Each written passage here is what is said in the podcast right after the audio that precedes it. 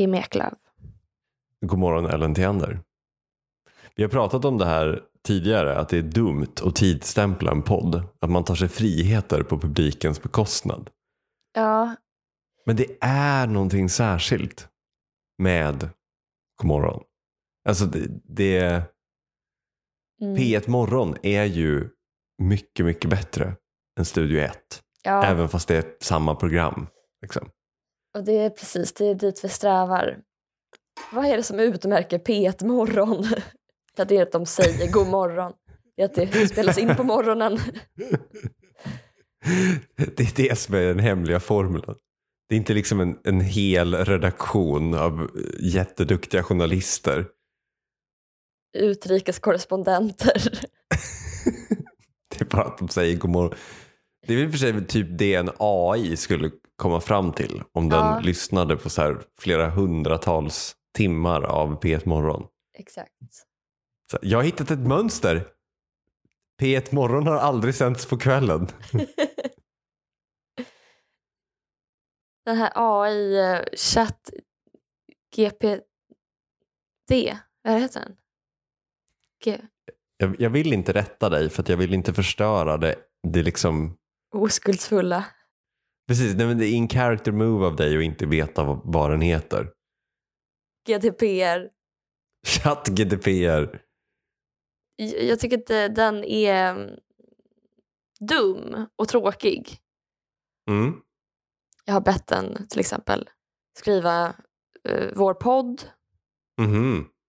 Kan du skriva en dialog mellan två marxister varav den ena är överdrivet intresserad av dagvatten och den andra är överdrivet intresserad av Lars Norén. Men den, den var så här. Marxist 1. Hej! Har du läst senaste numret av Dagvatten? En tidskrift där de samlar den senaste, de senaste rönen inom dagvattenområdet. Men sen så kopplade den då dagvatten till rättvisefrågor. Mm.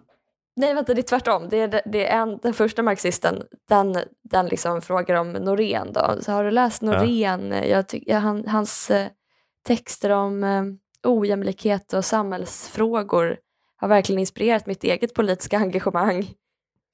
Ja, nej, jag har inte läst så mycket teaterlitteratur på senaste. Däremot eh, tidskriften Dagvatten. Det här är ju tyvärr en för bra. Det är som att den AI bara har byggt. Den är bara byggd på våra konversationer. ja, För min kulturkonsumtion just nu består av att jag varenda ledig minut skruvar på min bil för att hinna, hinna bli klar med den innan jag ska få barn. ja. Och sen varje riktig ledig minut så läser jag om en död sosse. ja. Fort, fortfarande liksom. Eh, och, det, och det är inte för att det finns ett jätteintresse bland döda sossar utan för att det finns en enorm mängd böcker. Men det är väldigt hög tröskel för att liksom kalla sig expert på döda sossar. Så att det, för att ditt arbete inte ska vara förgäves så måste du plöja liksom otroligt, otroligt många biografier för att ens komma i närheten av att säga att du är intresserad. Precis. Då kan du i alla fall säga när någon, nästa gång någon frågar dig någonting om kultur. Nej, jag har den senaste tiden har jag intresserat mig mer för tidskriften Dagvatten. Punkt 779. Traditionellt galna personer opererar inte ens på skalan över vilka jag stör mig på. Jag stör mig på motsatsen till galningar, alltså vanlisar. Och framförallt neurotiska vanlisar som till exempel följer regler. Milda kvinnor är värst av alla, som är ur vägen. Då brinner det till i huvudet på mig kan jag säga. Galningar kan jag förstå, excentriker rakt av älskar jag. Jag satt i eh, lunchrummet eh, på jobbet häromdagen Mm. och då så var det några som pratade om att de eh, hade slutat dricka kaffe. Mm. Och, och det här samtalet pågick i säkert 40 minuter om hälsofördelarna med att sluta dricka kaffe och vad man skulle, vilka alternativa drycker. så, och så liksom osökt kom de in på Nocco. Jag tar bara Nocco på morgonen istället och sen står man sig hela dagen för det är så himla mycket koffein. till att börja med så är det ju ett väldigt, en väldigt tråkig livsinställning, livshållning tycker jag, att man ska effektivisera eh, intaget av olika substanser. Alltså, det är ju inte för att få koffein som man dricker kaffe i första hand, utan det är ju för att ha det trevligt tre gånger om dagen. Mm. Under eh, förra veckans fodora testande av Fredrik Kopsk på Timbro så, så, läste jag att han fick en koffeintablett av Benjamin Dosa för att orka trampa. Precis. Och det tyckte jag bara sa allt om, om liksom Timbros inställning till det mesta. Mm. Det är också så, här, så funkar inte ens koffein. Det, det är inte en ekonomisk variabel du bara kan skruva upp. Nej, det är ju något eh, väldigt grundläggande missförstånd liksom, om man tror att man kan byta ut tre koppar kaffe mot en Nocco eh, som man halsar det första man gör på morgonen. Finns det någon Nocco som är liksom vettig att, dricka på morgonen? Jag vet inte, jag, jag, jag kan för lite om Nocco. Men de tipsade okay. också om olika sätt att eh, dricka läsk utan att dricka faktisk läsk. Att man kunde sodastreama saft och sådär. Det var väldigt viktigt då tyckte de att eh, man inte man ska inte sodastreama direkt i den utblandade saften utan du sodastreamar vattnet och sen mm. häller du i eh, koncentrat. Annars så, blir det, annars så bubblar det över det, det är det här jag stör mig på. Alltså jag, jag, jag kan absolut inte störa mig på någon alkis på tunnelbanan eller någon, jag vet inte, rövare i Järfälla eller på Järvafältet. Vänta, vänta. Kan du... Rövarband på Järvafältet. Är din kulle nu att du benämner gängkriminella som rövare och, och gängen som rövarband? Ja. Vad är gäng för anglosaxm? Vi har ju ett jättebra svenskt ord. Vad finns det för andra ord? Det finns ju säkert massa marodör. ja, nu är marodörerna i luven på varandra igen. Det har varit en marodörskjutning igen. Det låter i och för sig som ett jättebra, med tanke på att de heter ganska töntiga saker. Ja. Alltså, husbyshenor och dödspatrullen och filterlösa grabbar. Så hade ju fan marodörerna varit rätt coolt. Ja. Kanaljer. och, det, och det är därför man ska stay in school kids, för att ni ska lära er många synonymer så att ni kan ha, liksom, döpa ert, ert gäng till något ännu coolare. Nej, men jag tycker att det är, det, det är irriterande med vanliga personer. Mm. Om du förstår. Jag tycker den enda som ger normalitet ett pretty face är du. Oj, tack. För du tack. har ändå, jag tycker du um, inkarnerar någon så här 1900-talsdröm. Alltså lite sosseprojekt, eller det som vi kämpade för liksom, på 1900-talet. Att ha ett anständigt, värdigt liv, typ. Samtidigt som man har ett rikt själsligt liv. Alltså, ja, vi, att det, är, lite anspråkslöst. ja, men vi, det enda vi begär är eh, åtta timmars arbetsdag eller eh, liksom mm, värdiga mm. bostäder och eh, barnomsorg. typ. Så att man kan läsa en biografi om någon so socialdemokratisk minister eller så. Så det, det respekterar jag verkligen. Alltså, det, det är liksom, men det är inte, det är inte så folk är för det mesta när de är normala. Mm. Jag såg den här uh, Banshees Va? Har du sett Banshees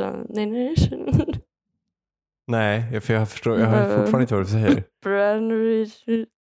Brand Resurrection? Ja, exakt den. Ja, jag, vet, jag vet inte vad du pratar om. Banshees of Inisherin, heter den så? Nej, ingen aning. Jag känner inte ens igen den nu.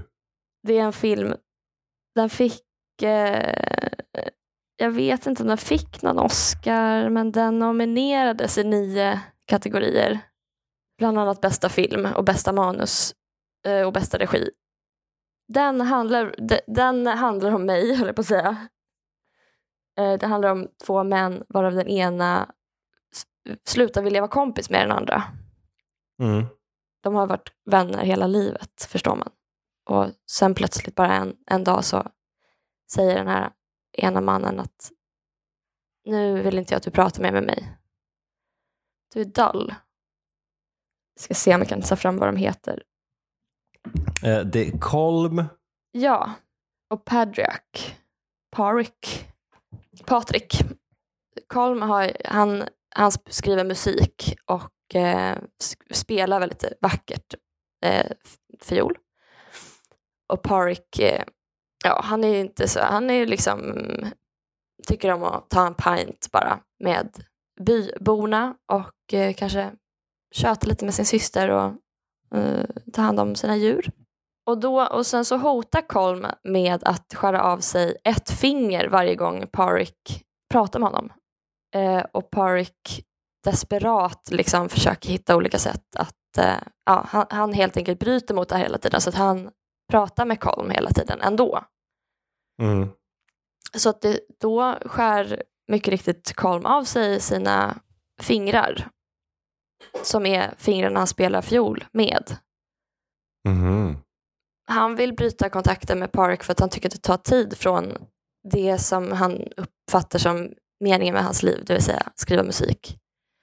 Och han börjar känna, känna sig stressad, liksom. han har dödsångest. Liksom, att, eh, ja, han kan inte ödsla tid på att eh, sitta och, och dricka öl liksom, och, och prata med den här dull-personen. Då. Mm. Men sen, eftersom han skär av sig sina fingrar så, så kan han ju inte spela sen då.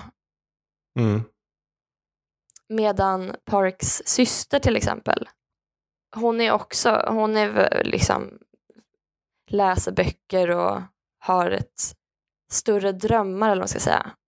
Jag, jag tycker att man känner igen de här karaktärerna för att det är hon som egentligen infriar sina drömmar och som faktiskt, ja, för hon flyttar från byn och börjar jobba på bibliotek. Mm. Så hon egentligen så, liksom man förstår att hon är den som egentligen är den ambitiösa eller på något sätt den, den riktiga intellektuella i byn eller vad jag ska säga. Mm. Jag bara tycker att det är, det är väldigt bra mm, beskrivet för att han, för att det är väldigt, det är svårt att välja och, och liksom även, även om man, om man påstår att man vill skriva musik Mm. så kanske man egentligen inte vill det utan egentligen så vill han kanske sitta och prata med Parik. Jag, tror inte han hade gjort det annars i alla de här åren. Mm. Eh, och på något sätt så lyckas han hindra sig själv från att skriva musik även när han eliminerar så att säga hindret som han upplever Mm. som är att eh, ödsla tid på onödigt babbel. Liksom. Ja, jag tycker bara att det var väldigt relaterbart på, på ett konstigt sätt. Trots att det är så här väldigt extremt beteende så kan man ändå relatera till den här mannen som skär av sig sin hand eller sina fingrar. Är, är här, försöker du göra slut med mig? ja.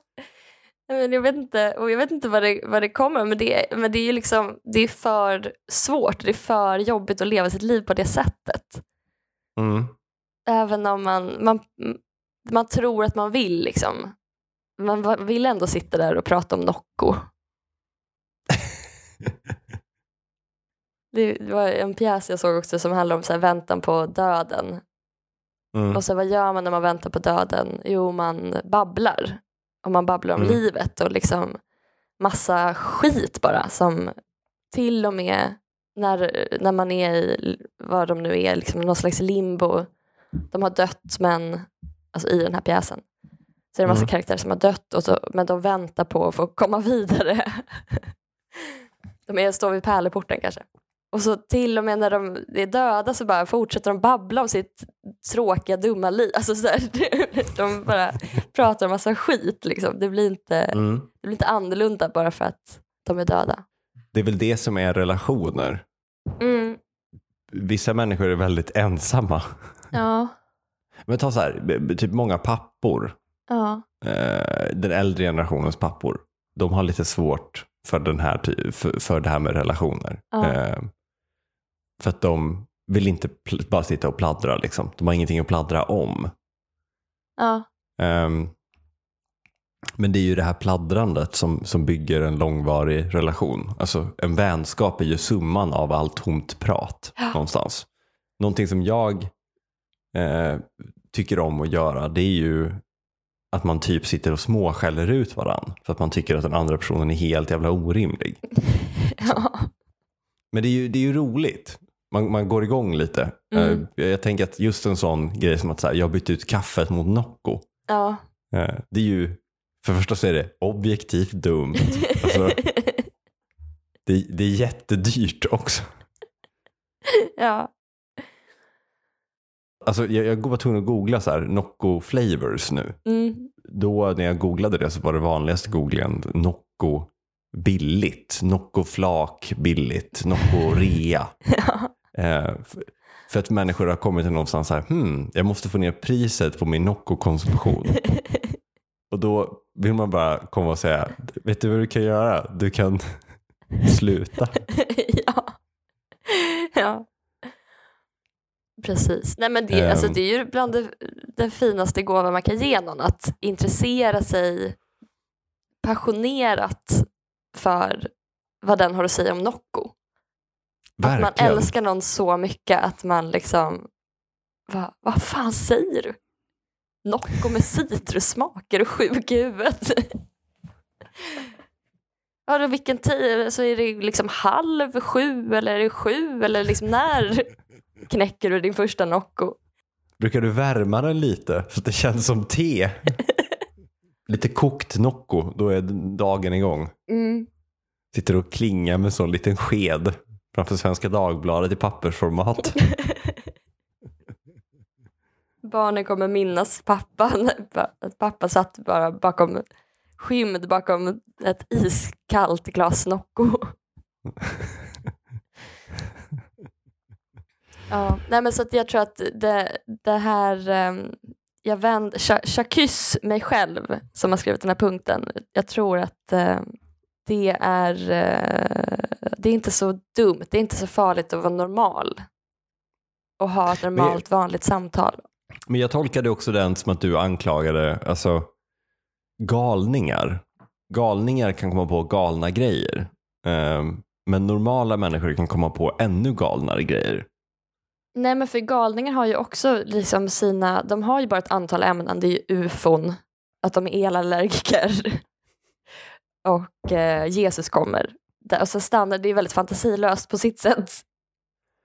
Alltså, de, de kan ju inte ställa till det på någon större nivå. Alltså, jag tänker som, som typ en Klarna-vd kan göra. Liksom. Eller ehm, Nej. Jag, jag, jag läste, om det var i Svenska Dagbladet så läste jag en intervju med Voice eh, vd. Mm. Att han har, så här, han har gått in i väggen typ tre gånger. Men nu ser han det som sin ultimata mission att liksom, att liksom tänja sin produktivitetsgräns utan att gå in i väggen. Ja. Så att han jobbar sig tills han håller på att nå väggen och då har han en massa tekniker och liksom en massa eh, så att han sitter och djupandas och mediterar och eh, badar isvak. Eh, det för mig är ju en värre galenskap. Verkligen. Ja, det är en gammal antik bild, liksom galningar som sanningsvittne. Att så här, och som Foucault skriver att eh, den enda som är sjuk är den friska på något sätt. Ja, absolut. Att så här, det som är sjukt är att, eh, for, att delta liksom, i ett samhälle som lever över liksom, alla naturens gränser eller liksom man eh, utvinner konfliktmineraler i Kongo eller Mm, mm. eh, köper en svart bomullströja eller liksom trissar upp priserna på bostadsrätter eller säljer ut, man är Laila Freivalds, säljer ut allmännyttan. Verkligen det också, att någonstans så är ju jag vet att så här, när jag var utbränd så, kom, så sa min läkare till mig att så här, ja, men det är inget fel på dig, det här är bara din, en kropp, en kropp i en sund, en sund kropp som reagerar på eh, någonting så, alltså, som inte är rimligt. Liksom. Ja, en sund kropp i en sjuk värld. Ja, men hade du ramlat och brutit benet så hade du också kommit in här och varit bara, ah det är en fel på mig. Så bara, ah du har brutit benet liksom. Mm. Det, det, är inte konstigt om du mår dåligt. Nej. Och på sätt och vis då, alltså vi som, även den här eh, Voi-vdn och vi andra som springer runt och på något sätt upprätthåller fasaden av att allt är normalt. Medan alltså liksom krig rasar och klimatkatastrofen hägrar. Bara ja, men det bara går fortare och fortare. Liksom. Mm. vad tycker vi att det är jobbigt med inflationen på mat nu? Vad händer sen när liksom skördarna, skördarna börjar fallera? Mm. Och då kanske det enda rimliga är att springa runt på stan nedbajsad och skrika om att Jesus kommer i en enda liksom, ett sätt att hantera det. Exakt. Ja, det är i alla fall vårt minsta problem. Punkt 796. Min italienska vän. Ja, det är du inte helt missnöjd med att få skriva, eller hur? Ja, punkt 796. Min italienska vän säger att svenskar är unikt obildade. Han har aldrig träffat ett så dumt folk. Vad är det här för roast till morgonnockon? Ja, det här var min kompis ex som sa för att han hade bott i Sverige i några år. Och han var ändå så här, försökte sätta sig in i, liksom, han bara, ja men jag läser väl Fredmans epistlar så att jag har något att prata om med folk. Eh, men det var ju ingen annan som hade läst eh, det då. Eh, så lunka vi kunde på sin höjd kanske vara ett samtalsämne då. Anledningen till att jag ville ta upp den här punkten var bara att jag ville säga någonting väldigt kort om det här Nora Adin Fares krönika om svenska män kontra italienska män. Mm. Hon menar ju att man behöver projektleda svenska män mm. eh, till skillnad från italienska. Men eh, det var mest det här som jag reagerade på. Hon skriver då för några år sedan jobbade jag på kvällstidning och arbetade väldigt tidiga morgonpass. Killen som jag dejtade då var skärmig och fick mig att skratta så mycket att kinderna började verka. Av någon anledning sågs vi alltid nära min lägenhet, vilket jag tolkade som att han ville att jag skulle ha närmare hem. Det blev därför naturligt att det var jag som bestämde vilken restaurang, vilket promenadstråk, vilken vinbar som var bäst eftersom jag bodde i området. Han behövde bara dyka upp. Inte en enda gång ansträngde han sig för att vi skulle byta roll. När jag insåg det började jag bli irriterad. Det hela nådde sin kulmen en lördag morgon när han hörde av sig för att bekräfta att vi skulle ses senare på kvällen. Jag frågade var han ville träffas och han hade såklart inga förslag. Inom några minuter hittade jag mig själv framför datorn för att boka bi biobiljetter och ringde en tapasrestaurang på Söder för att kolla om det fanns bord ledigt efter filmen. Medan jag skrev ner vår nya dejtplan i ett meddelande till honom hejdade jag mig. Bokningen hade lämnat en besk eftersmak. Det kändes orättvist att jag behövde göra allt jobb när det var han som bjudit ut mig.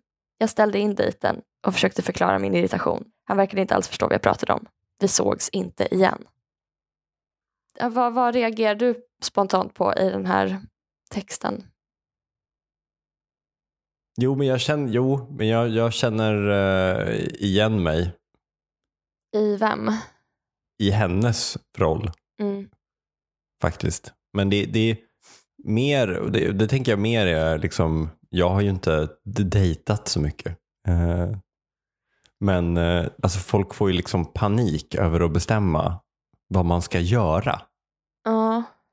Det är mer att det, finns liksom en klass av svenskar som behöver springa och ta ansvar för det som, men så här, 10% av svenskarna är de som bokar bord och ja. planerar saker. Ja. Och liksom... Är det 80-20 principen? Har du talas om Pareto-principen? Nej. Att 20% eh, av orsakerna står för 80% av verkan. Ja, men eh, är det samma mönster som man ser typ med brottslighet? Att det är så några få procent som står för majoriteten av alla brott? Ja, så att om, om liksom alla brottslingar är 100 procent då, så är det 20 procent av de brottslingarna som står för 80 procent av brottsligheten kanske. Mm, mm. Du tillhör den, de 20 procent av befolkningen som står för 80 procent av bordsbokningarna. Ja, fast jag gillar ju inte att boka bord. Alltså jag, jag vet inte, jag, jag, får, jag blir så stressad av att boka bord. Så att, he, helt ärligt, um, kan man boka i The Fork, då är det alltid jag som bokar bord. Ja. Men behöver man, typ i någon app eller något, men behöver jag ringa till restaurangen Mm. precis innan jag liksom har börjat prata med den här Johanna. Som Ja. pikt bläddrar i någon kalender när man Ja. ringer. Då, då, då är pulsen uppe alltså.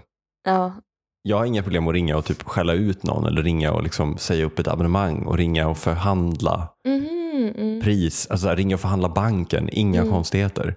Nej. Men att så här, beställa takeaway, boka bord, alltså de så här, där liksom det sociala Ja. samspelet egentligen inte är så, de är så, "He- hej, är det matstället? Ja, jag skulle vilja ha mat. Mm. Vad bra. Den här maten. Tack så mycket. Vi ses. Alltså så här, det, det, det, är liksom misstänkt eh, lätt. Nej, men det- jag eh, kanske inte ska uttala mig där eftersom jag, jag tror säkert att jag tillhör de 80 o- o- oproduktiva procenten av mm, befolkningen. Men eh, jag tycker verkligen inte att det är svårt att boka bord. Det är inte jobbigt att planera en dejt, det är inte jobbigt att boka biobiljetter. Det tar fem minuter. mm, Och man får dessutom bestämma vad man ska göra. Det är jätteskönt att ses i ens kvarter. Det, det ska verkligen mycket till för att man ska tolka att ses i ens kvarter som någonting mörkt och negativt.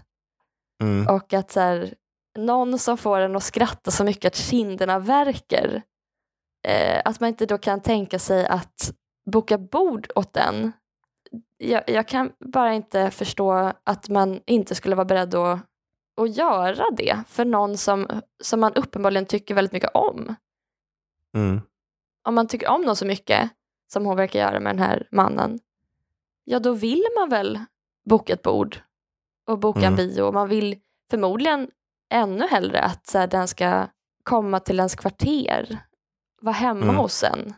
Att man får välja vad den ska titta på. Alltså, det är ju också en, en väldigt snäll present tycker jag att eh, gå med på att se någonting som någon annan har valt och visa Mm. intresse för det som den, som den är intresserad av. Jag anar en personlighetstyp som liksom i sitt huvud förvränger liksom allting till att handla om alltså att allting är negativt. Liksom. Mm. Allt är ett hot, allt är liksom en aggression riktad mot dem.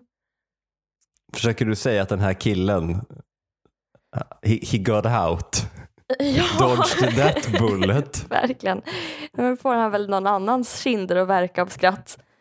Good for him. Alltså visst, det kan vara jobbigt att planera i jobbet kanske. Men att planera en fritidsaktivitet som är så här, hur ska vi ha kul? Mm. Det är väl bara helt underbart. Men, men är inte det, jag, jag, jag tänker att, alltså, två saker. För, det första det här med att ta, ta ansvar socialt. Ehm, att vara den som planerar. Jag upplever i alla fall i Sverige, när man tar ansvar för att planera, så, så äger man ju också den eventuella skammen om det blir fel. Man blottar strupen lite. Ja, jag är väldigt ofta en sån som släpar med folk till restauranger som jag verkligen tycker om. Ehm, och då, jag, jag vet, liksom sitter som på nålar och bara, är allt bra? Var det gott? Ja. De har jättefin toalett. Alltså så att jag, jag liksom, Ja. om inte de sitter och applåderar när middagen är över så, så vill jag slänga mig i fyrishån. Liksom. Mm. Och att, att det är liksom, jag, jag känner att det är lite slitsamt men det är ju väldigt belönande också. Mm. Eh, och det glädjer väl mig att jag är en sån person som släpar med folk för då händer det liksom någonting. Mm. Ehm, det var väl det ena. Men det andra tror jag är mer ett symptom på liksom datinglivet. Att man springer, alltså för, för, när du berättar den här berättelsen, jag ställer mig ju på hennes sida för jag tänker att det här är ett tecken på att så här, han kommer inte att ta känslomässigt ansvar, han kommer inte investera tid i den här relationen och han kommer inte vara den, om de får barn sen så kommer inte han vara den som ser till att de går på ur och skur dagis och har packade um, regnbyxor. Liksom. Men jag menar, sanningen är att det eh, vet vi ju inte. Det kan bara vara så att han är väldigt dålig på uteliv. Kanske världens bästa pappa. Så kan det vara. Men för du har väl också dejtat innan Tinder? Ja. Jag vet inte, det känns som att man mer letade eh, en god vibe och så tänkte man inte så mycket mer på det. Och sen senare när man varit ihop ett tag, ja men då började man inse vad som kanske var fel och, och, och vad man behövde jobba på. Och så försökte man kanske jobba på det. Och funkade inte det så gick man vidare. Liksom. Istället för att direkt börja spå i kaffesump när man har träffat någon en kort, kort period. Liksom. Vad kan bli ett problem om tre år? Ja, ja. Nej, men, och jag har ju dejtat många italienska, många, jag har dejtat italienska män. Mm. Och, eh, och då är du facit nu ju. Ja, och jag skulle inte säga att det är någon enorm skillnad. Eh, det, det, är en starkare kultur av att ma mannen planerar. Men, mm. ja, de, men så slår de också sina fruar. ja, så visst, italienska män är jätteskärmiga på första dejten, men... men du kommer aldrig se dem hämta på dagis? Nej. Nu börjar ju folk bli feminister i Italien. Då upplevde jag att männen var ganska noga med att så här, ja men du får gärna bjuda mig. Att de visade respekt snarare genom att behandla en som en jämlik. Mm. De är ju avundsjuka på svenskar liksom. Om jag skulle berätta att säga, ja men min kille lyssnar på vad jag har att säga och är intresserad av, eller liksom min kille är genuint intresserad av mina känslor. Eller, alltså det, det är ju så här exotiskt. De bara, mamma mia. Ja. Men jag tycker inte, det är inte, förlåt men det är inte arbete. Vet du vad som är arbete? Arbete. Det, är det enda arbetet som finns är arbete. Det är inte arbete att boka in en dejt. Men det här tror jag, och gud, det här dör vi inte för öppna, men det, det här tror jag kommer bli en diskussion eh, framöver i och med alltså att vi är så slut mentalt eh, uh. av jobb som går ut på att fundera och sen en fritid där vi liksom också sitter och är, är aktiva socialt och liksom digitalt. Att man nästan kan bli arg om någon kommer och säger så här, Hörru, du och jag, ska vi, ska vi, jag gillar dig, ska vi umgås? Och man bara, men gud vad glad jag blir. Mm. De bara, ja men vad bra, då umgås vi. Kan du boka bord på en restaurang? Och man bara, nej nu! nu kräver du av hjärnkapacitet som jag egentligen har förbrukat redan genom mitt själadödande jobb. Ja. Alltså, Nora kanske är utbränd. Ja men precis, verkligen, verkligen sök hjälp. Nej, men alltså, hennes artikel borde handla om hennes arbete. Inte om, alltså, det är inte fritiden som är problemet. Att en jättetrevlig, men... charmig kille som får en att skratta vill ses på Söder. Det är också så världens minst uppseendeväckande sak att vilja att föreslå att man ska ses, föreslå att man ska ses på Söder. Jag tycker i och för sig att det är ett problem. Tvinga mig inte att lämna stan. Kungsholmen är alltid okej. Okay. Wink. Men eh, nej, tvinga mig inte att åka till Söder. Jag tror det är det också. ja, det var det som verkligen slog an något hos dig. Hitta någon romantisk buss som snirklar sig runt Söders höjder. Ja. Men vem vet, han kanske bor i Johanneshov. Ska hon åka kuska liksom? Det hade hennes debattartikel handlat om det. Ja, han är så bekväm. Eller så hade det blivit en artikel om så vi behöver billigare kollektivtrafik. Eller bättre kollektivtrafik. ja. jag, som sagt, jag börjar nu ta det här spåret på att hon bara är utbränd. Alltså ja. vem som än hade bett henne om någonting. Ja. Så hade man fått höra om det i DN. Ja men exakt, jag har väntat länge nog så Skatteverket är som en dålig pojkvän. Tvingar Ja. mig att logga in med bank-id och Mm. signera min deklaration. Mm, mm. Jag har inte tid Skatteverket, varför frågar du aldrig hur jag mår? ja. Varför är det aldrig du som måste logga in med bank-id? Var är min känslomässiga återbäring Skatteverket? Nu är klockan åtta. Du behöver gå och skriva lagen. ja, så är det. Jävla, två riktigt bra jävla punkter. Jaså, Tack för att du gjorde det arbetet. Ja. Det var absolut inte jobbigt. Det var bara kul för mig. Mina kinder värkte av skratt. Tack för idag Kim Eklöf. Tack Ellen Theander. Vi kommer ut på tisdagar klockan sex på morgonen. Lagom till morgonlöprundan. Hej då! Hej då!